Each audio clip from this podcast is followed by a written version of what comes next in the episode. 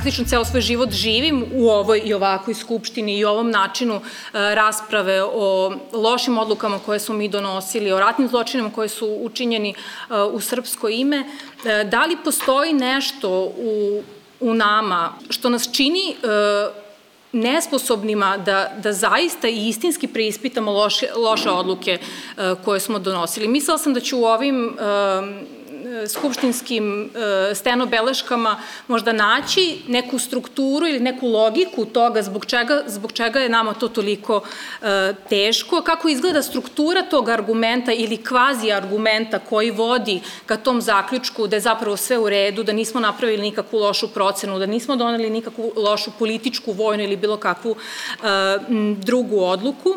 Mislim da je, što se tiče savremenika, onih koji se relativno dobro sećaju onoga što se, što se dešavalo, da je dobro da se uh, podsete uh, tona i načina, jer nekada mi znamo od prilike ko je šta govorio uh, i koje su bile političke pozicije, ali recimo kada vidite da Vučić 98. godine kaže ja spremam svog sina od godinu dana za rat, ili kad Martinović kaže Znate, vrlo je relativno pitanje ko je dete. Za mene nije dete svako onaj ko može da nosi pušku.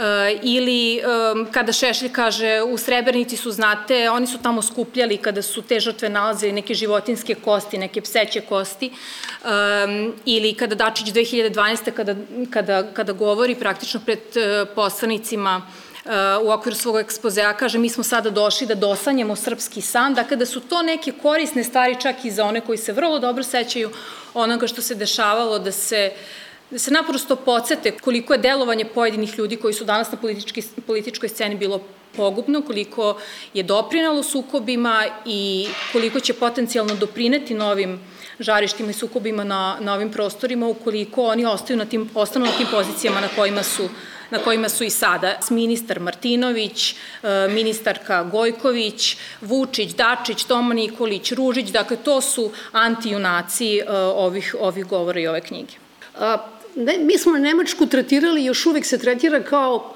uspešan primer a, suočavanja sa prošlošću, ili relativno. Međutim, Nemci a, već godinama rade istraživanje i već se govori o drugoj, takozvanoj drugoj nemačkoj krivici. Dakle, sada retroaktivno se govori o tome da holokaust nije samo Treblinka ili Dachau, nego da je holokaust i ubistvo mitraljezima i puškama 3 miliona jevreja na istoku u Rusiji, tako. A, 98. godine smo imali veliku izložbu o zločinima Wehrmachta, jer je do tada, pa, praktično do tri decenije važilo to pravilo da je otprilike 250.000 SS-ovaca pobilo 30 miliona ljudi, a da je Wehrmacht bio a, jedna obična vojska, da duše jeste Hitlerova, ali da je ona nešto sasvim drugo. Kad sam čitala uh, knjigu Dubilovu, koju si naravno isto ti objavio, to je stvarno bilo uzbuljivo za čitanje. Sofija, izvini, ovo što si ti analizirala, to je ne samo sa stanovišta ljudi i aktera neozbiljno, budalasto, besramno, besmisleno i tako dalje. I tačno se vidi da ne postoji nikakav okvir, da ne postoji kod nas nikakva, kako bih rekla, premisa oko koje smo se složili. Dakle, u Nemačkoj i SDP i a, druge političke stranke su imali nekakve premise osnovne oko kojih je moglo da se raspravlja. Dubilov ima jednu vrlo jednostavnu tezu. On kaže demokratija ne može da stoji u vakumu, ne može da visi u vazduhu, demokratija mora da ima moralni osnov. I taj moralni osnov Dubil pronalazi u raspravama o zločinima, jeli, za vreme drugog svetskog rata Nemačke vojske i nemačkih vlasti uopšte. On kaže da se o tome nije razgovaralo, ta demokratija koja se gradila u Nemačkoj posle drugog svetskog rata ne bi imala na čemu da stoji. S druge strane, da nije postojao taj demokratski okvir u, u vidu tog parlamenta, ne bi imalo gde o tome da se razgovara. I to je jedna povratna sprega na kojoj Dubil sve vreme insistira. On ne kaže da su samo zbog toga što je bilo važno reći istinu ljudi u parlamentu o tome govorili. Ne, on kaže to je imalo da obavi jednu drugu funkciju, takođe važnu, niste mogli da postavite sistem ako ga ne postavite na moralnoj osnovi. Samo vam je to dovoljno da vidite u kakvom se mi problemu nalazimo. Mi možemo da kažemo da u Srbiji nema demokratije, ali pitanje je zapravo na čemu bi ta demokratija mogla da stoji. Koji su to moralni osnovi na koji bismo mi danas mogli da postavimo demokratiju u Srbiji? Nema ih. Vi imate da je žena koja je gađala jajetom zid kažnjena, a čovjek koji je odgovoran po vlastitom priznanju za četiri smrti šeta slobodno. O čemu mi pričamo?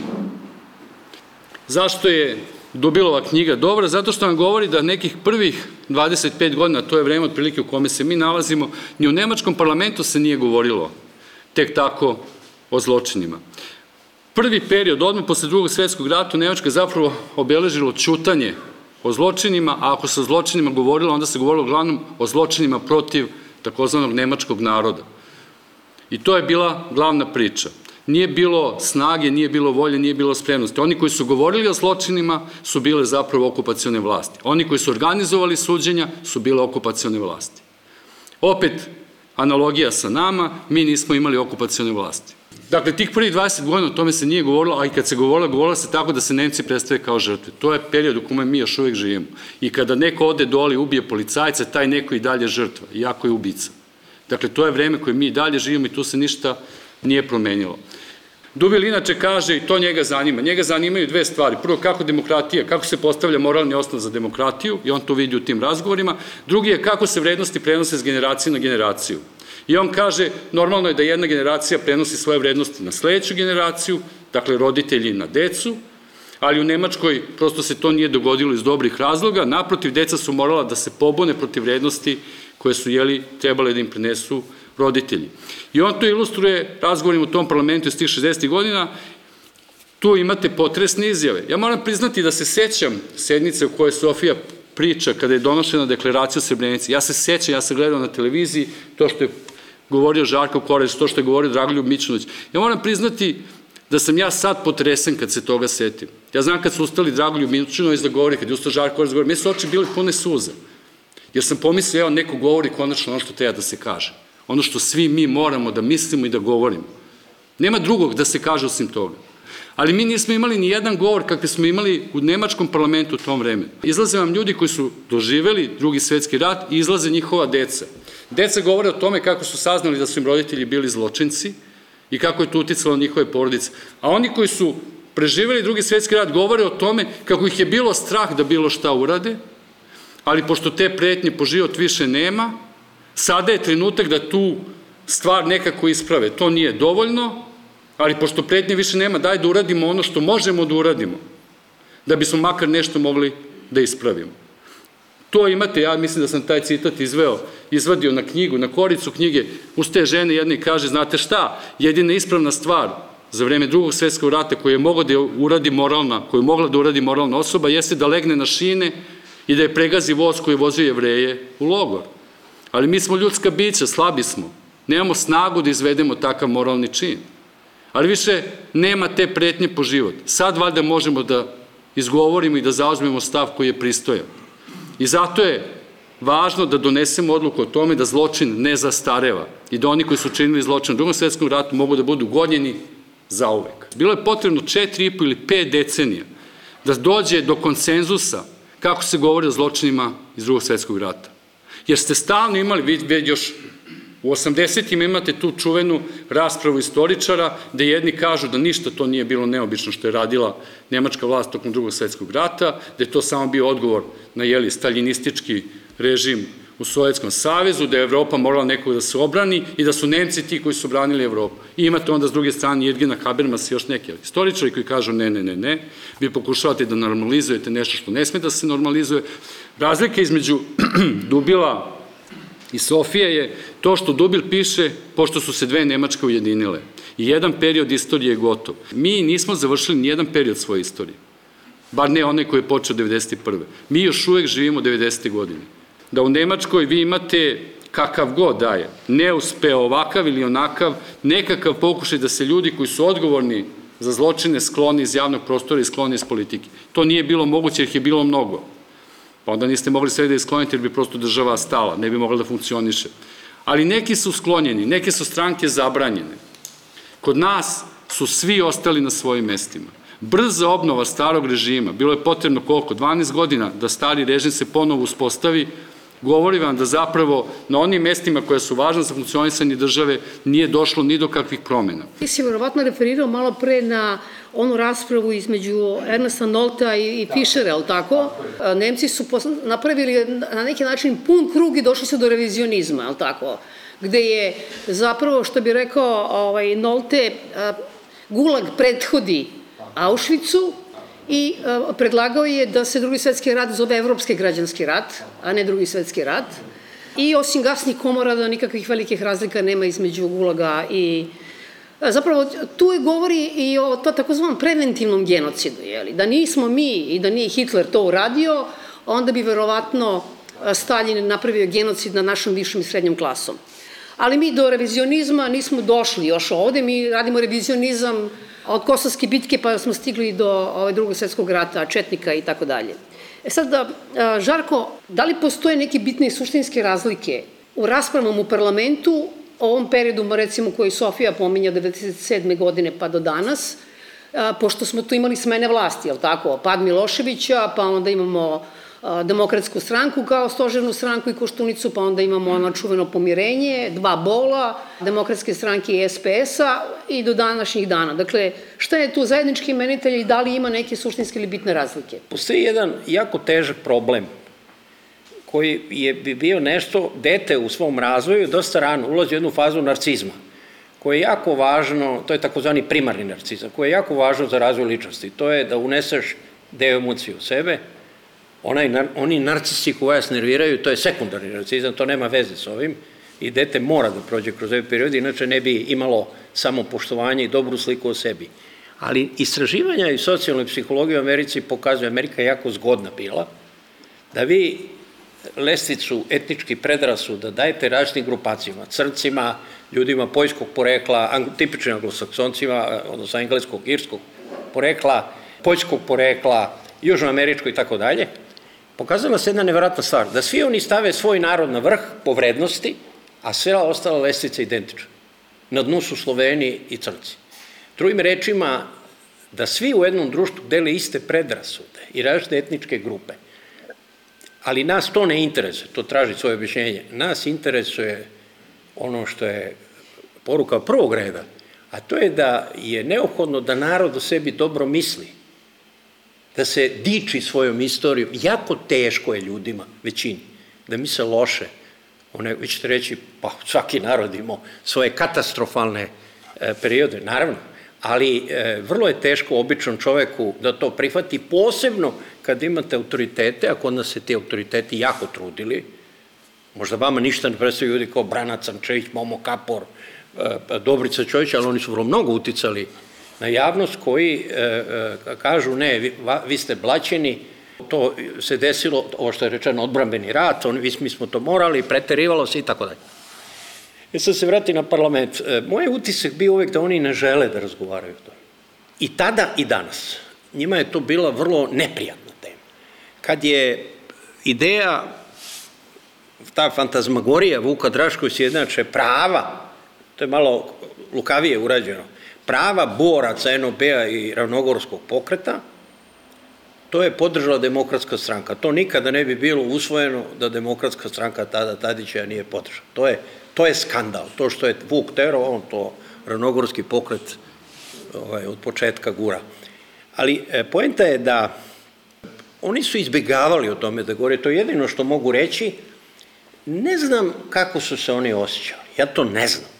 Ali meni je to bilo vidljivo da sve jedne grupe ovih kriminalaca i huškača, da ovi ostali, ne znam da li ih malo bode savest, možda je to preoptimističko, Dejan e, bi me tu potrošao da je promističko, mislim da oni uopšte imaju savest, ali nekako, ipak su imali neke, bar delić svesti, da je to sve jako teško braniti.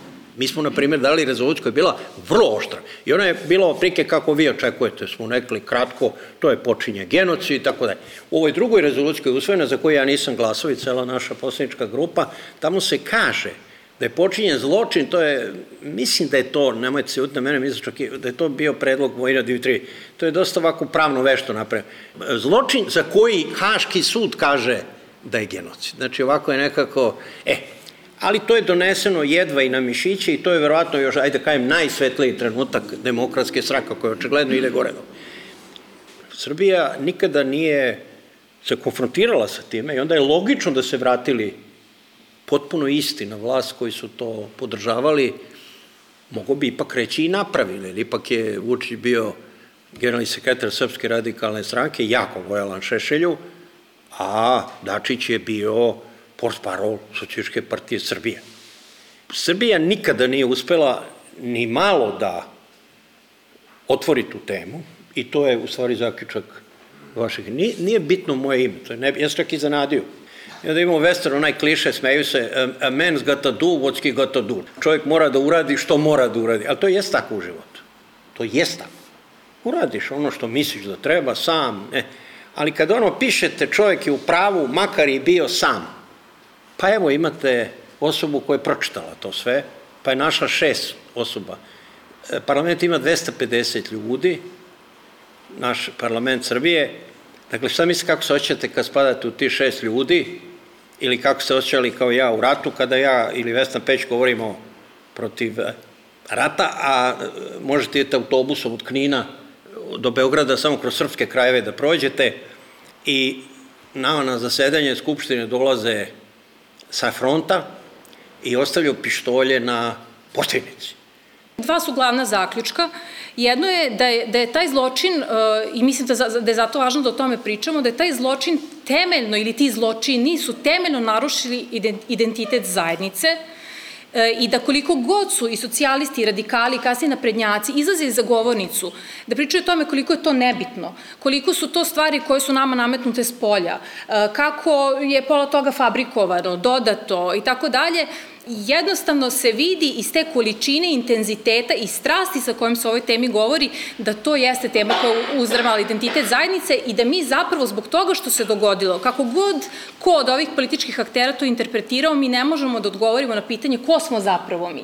Jer vi vidite u tim govorima, ja uvek referencu na, i na drugi svetski rat, i na, čak i na prvi svetski rat, da smo mi slobodarska nacija, da smo mi ljudi koji razlikuju dobro od lošeg. I sad ta negacija je išla kroz e, nekoliko mehanizama. Jedno je potpuno negiranje činjenica, dakle, e, e, to su radili najviše radikali, dakle, Srbi su najviše žrtve na prostoru bivše Jugoslavije, brojčano su najviše stradali, samim tim prvi zaslužuju pravdu i dok se ta pravda ne ostvari, mi nećemo da razgovaramo ni o kakvim, ni o kakve odgovornosti za ratne zločine koje su učinjeni u srpsko ime od strane Srba.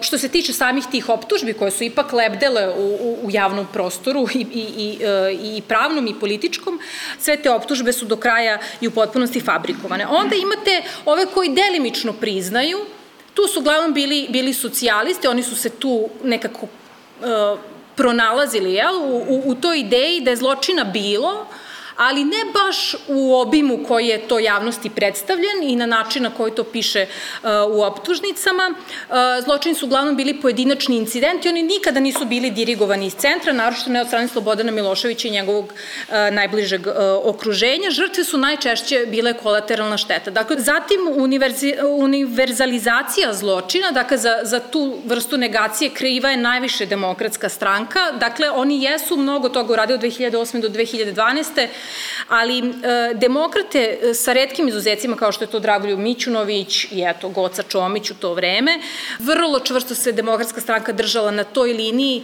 e, sve žrtve su jednake, a krivica i ako postoji, ona je isključivo individualna i ne može se, da kažem, prelivati na pitanje odgovornosti, a pitanje odgovornosti je zašto smo mi glasali za ljude koji su sproveli ratne zločine na, na, na način na koji je to utvrđeno, eto, pa makar ovaj, ovim pravnosnažnim presudama. Nije problem onima koji su ovog trenutka na vlasti. Nije problem o zločincima što se čuvaju da ne odgovaraju za zločine. To je očekivano i sve. Problem je što mi njih nismo sklonili onog trenutka kad su oni možda mogli da se sklone. A možda i nisu mogli da se sklone. Ne znamo to. Ali, ali problem je kada ti imate dva test pitanja u ovom trenutku za domaću opoziciju. Jedno je pitanje Kosova i drugo je pitanje Ukrajine. Na oba pitanja opozicija odgovara isto kao i vlast. I to su vam test pitanja. To ti pokazuje, u stvari, koliko, koliko ti imaš ovde aktera na koje bi mogli da se oslonimo, da će ako oni dođu na vlast možda raditi nešto drugačije. Ovde se niko ne usuđuje da kaže ono što misli da ljudi u Srbiji ne bi volili da čuju. Sad, ovih dana, vi možete da gledate razne, pošto jeli, počinje kampanja za izbore za koje ja stvarno ne znam, vidjet ćemo da li će ih biti, i sad su, jeli, na onim medijima koji su im dostupni, krenuli ljudi iz opozicije da izlaze. I onda ih novinari manje više dobronamerno pitaju, ba dobro, šta ćemo sad za ovo Kosovo, šta ćemo sa sankcijama Rusije i sve ostalo, i niko od njih ne odgovara jasno. Niko. Najdalje dobacuje ljudi stranke Slobode i Pravde, oni kažu, pa znate šta, mi bismo u Evropsku uniju, ako hoćete u Evropsku uniju, vi morate to da uradite. Pa čekaj malo, Šta što to? To je inače odgovor i za to zašto se bavimo ratnim zločinima. Pa moramo, jeli, zato što će onda, preuzeli smo te obaveze. Nije da to baš treba, nije da je to baš moralno. Treba nam ekonomska podrška. Treba nam ekonomska podrška, oni su nas uslovili i zato se time bavimo. To nije odgovor. To nije odgovor. Možeš da kažeš, to je tako ispravno. Ne zanima me šta će da bude, ne zanima me da li zbog ovog ili zbog onoga, naprosto je to tako ispravno. To u ovoj sad opoziciji koju imamo niko ne uzgovara i ja mislim da je to problem. Nemojte sad da se smete, a jeste smešno, zapravo jedino Čedomir Jovanović uvek to govori bez ikakvog problema. Možda valjda zato što je na taj način sve mu je skinuto, da može pričati šta god hoće, jer nije bitno šta će da kaže. Čak i u ovoj situaciji u Kosovu, on, čovjek, rekao ono što ima da se kaže. I to je strašno, zapravo. To je ono što ti kažeš. Nije važno samo šta se govori, nego je bitno ko govori. A ovo što mi računamo sad kao da je naša opozicija sve, to niko ne može da izgovori tri pristojne rečenice o tom. Naravno da ti moraš da imaš jednu promišljenu politiku. Kako se to radi? Ta politika se sastoji u tome ne da se zna istina, jer mi istinu znamo. Svako ko ovde kaže da ne zna šta je bilo, laže. Tu nema nikakve dileme. Svi koji kažu da ne znaju da u Srebrenici počinje genocid, naprosto lažu. Tačka. Nije stvar u tome da li se istina zna ili ne. Istina mora da bude smeštena na ustanovam, u ustanove gde se istina govori. Dakle, ona mora da bude u medijima, ona mora da bude u parlamentu, ona mora da bude u školama. To je prvi korak, da smestiš činjenice tamo gde činjenice moraju da stoje. Sad je ta istina na margini, smesti je u centar, smesti u ustanove, to je prvi korak. A onda, kada znamo da je to istina, onda kreće razgovor šta ćemo da radimo s tom istinom.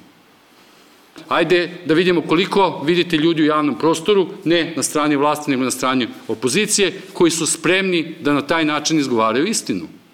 Što bi rekao Žarko Korać, vi radite ono što mislite da morate da radite, oni rade ono što oni misle da moraju da rade i sve je u redu. Mislim, kad ne očekujete ništa, to mi je Srđa Popović, on mi je jednom rekao, znaš šta, Ako si ti naumio sad da kreneš tim putem i da pričaš to što ti misliš da treba da pričaš, moraš odmah da se pomiriš s tim da od toga nema ništa.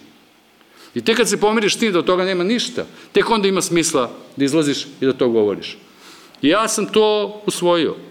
Ne brine mene to što se dešavalo u parlamentu. Glavna stvar je, znate što je ta prevara prodavana sistematski, 20 godina. I što to nije samo priča što je ona imala i niz, kako bi rekao, faktički svesno, dobro artikulisani poteza koji nisu bili samo u parlamentu. Sticam okolnosti kao poverenik za informacije od javnog značaja bio sam suočen činjenicom da sam bio jedini funkcionar, odnosno jedini državni organ protiv koga je državni tužilac sistematski koristio jedno ovlašćenje koje ima na raspolaganju. Nema državni tužilac ima mogućnost da traži poništaj kod upravnog suda, traži poništaj bilo kog akta, bilo kog organa koji raspolaže javnim ovlašćenjima ako nalazi da je povređen zakon i ugrožen javni interes. To u vreme dok sam ja bio poverenik državni tužilac je to ovlašćenje eksploatisao isključivo odnosno na poverenika za informacije. I to u 80% slučajeva u situacijama kad je pre svega malo prepomenuti Fond za humanitarno pravo ili neko drugi pokušava da dođe do informacija koje su, da se razumemo, potpuno legitimno dostupne. Dakle, ta priča o tome da li je Đorđe Đorđević bio komandant tog i tog bataljona, tada i tada, u zoni gde su ubijane žene i deca, to je potpuno legitiman zahtev. Potpuno je nenormalno to proglasiti tajnom. Kako će biti tajna i koji će to interes Republike se biti ugrožen ako bi javnost čula da je neko komandovao jedin, nepostojećom jedinicom, nepostojeće vojske, nepostojeće države pre 25 godina. Mi to je čak benigna stvar prema činjenici da kada mi imamo 17-godišnjak, armiju 17-godišnjaka koji pripadaju nečem što mi zovemo antihaški lobi ili ne znam šta, ili antievropski lobi, koji veze s tim događanjem nemaju, koji su debelo kontaminirani. Tu je naš problem. Ja ponavljam, kaže, tu mora nešto da se radi. Tu su važni dokumenti, tu je važna istina. Samo tu. Ja bih samo teo da upozorim na dve stvari. Prva, da neke države, narodi, nacije mogu da se ne suoče, ja ću vam navesti primer koji odlično znate, Turska ni posle 100 godina ne prihvata da ni Jermenima napravim genot. Ne samo da ne prihvati, nego sudi ljude koji to kažu. Kad je bio ovde, inače, Nobelovac i po moj jedan od, moram da kažem da ga visoko ceni, Orhan Pamuk, književnik, on je kad je držao predavanja, nisam nažalost bio akademiji nauka, rekli su mi evi koji su bili akademici, da ih je zamolio da ga ne pitaju policiji. To je jedno. I drugo, tamo gde ide taj proces suočavanja, on je strahovito težak. Ali svi ćemo mi da odemo s ovoga sveta. Vi nikada ne znate. I njene emisije i sve. Da li će za 50, 20, 100 godina? Ne znate. Neko da uzme tu knjigu i kaže, e, ovde, vidite, ovde piše. Znači, užasno je, mi smo jedan e, e, e, narativni narod, verbal, kao uz vatru, mi samo pričamo, pa i ja ali ovo su dokumenta, ovo je, ne, kako bih rekao, nepobitno šta su ljudi govorili i kako zastrašujuće Srbije nije imala snage da se suoči sa zločinima u njenoj. Nisam pretaran. Treba pretaran.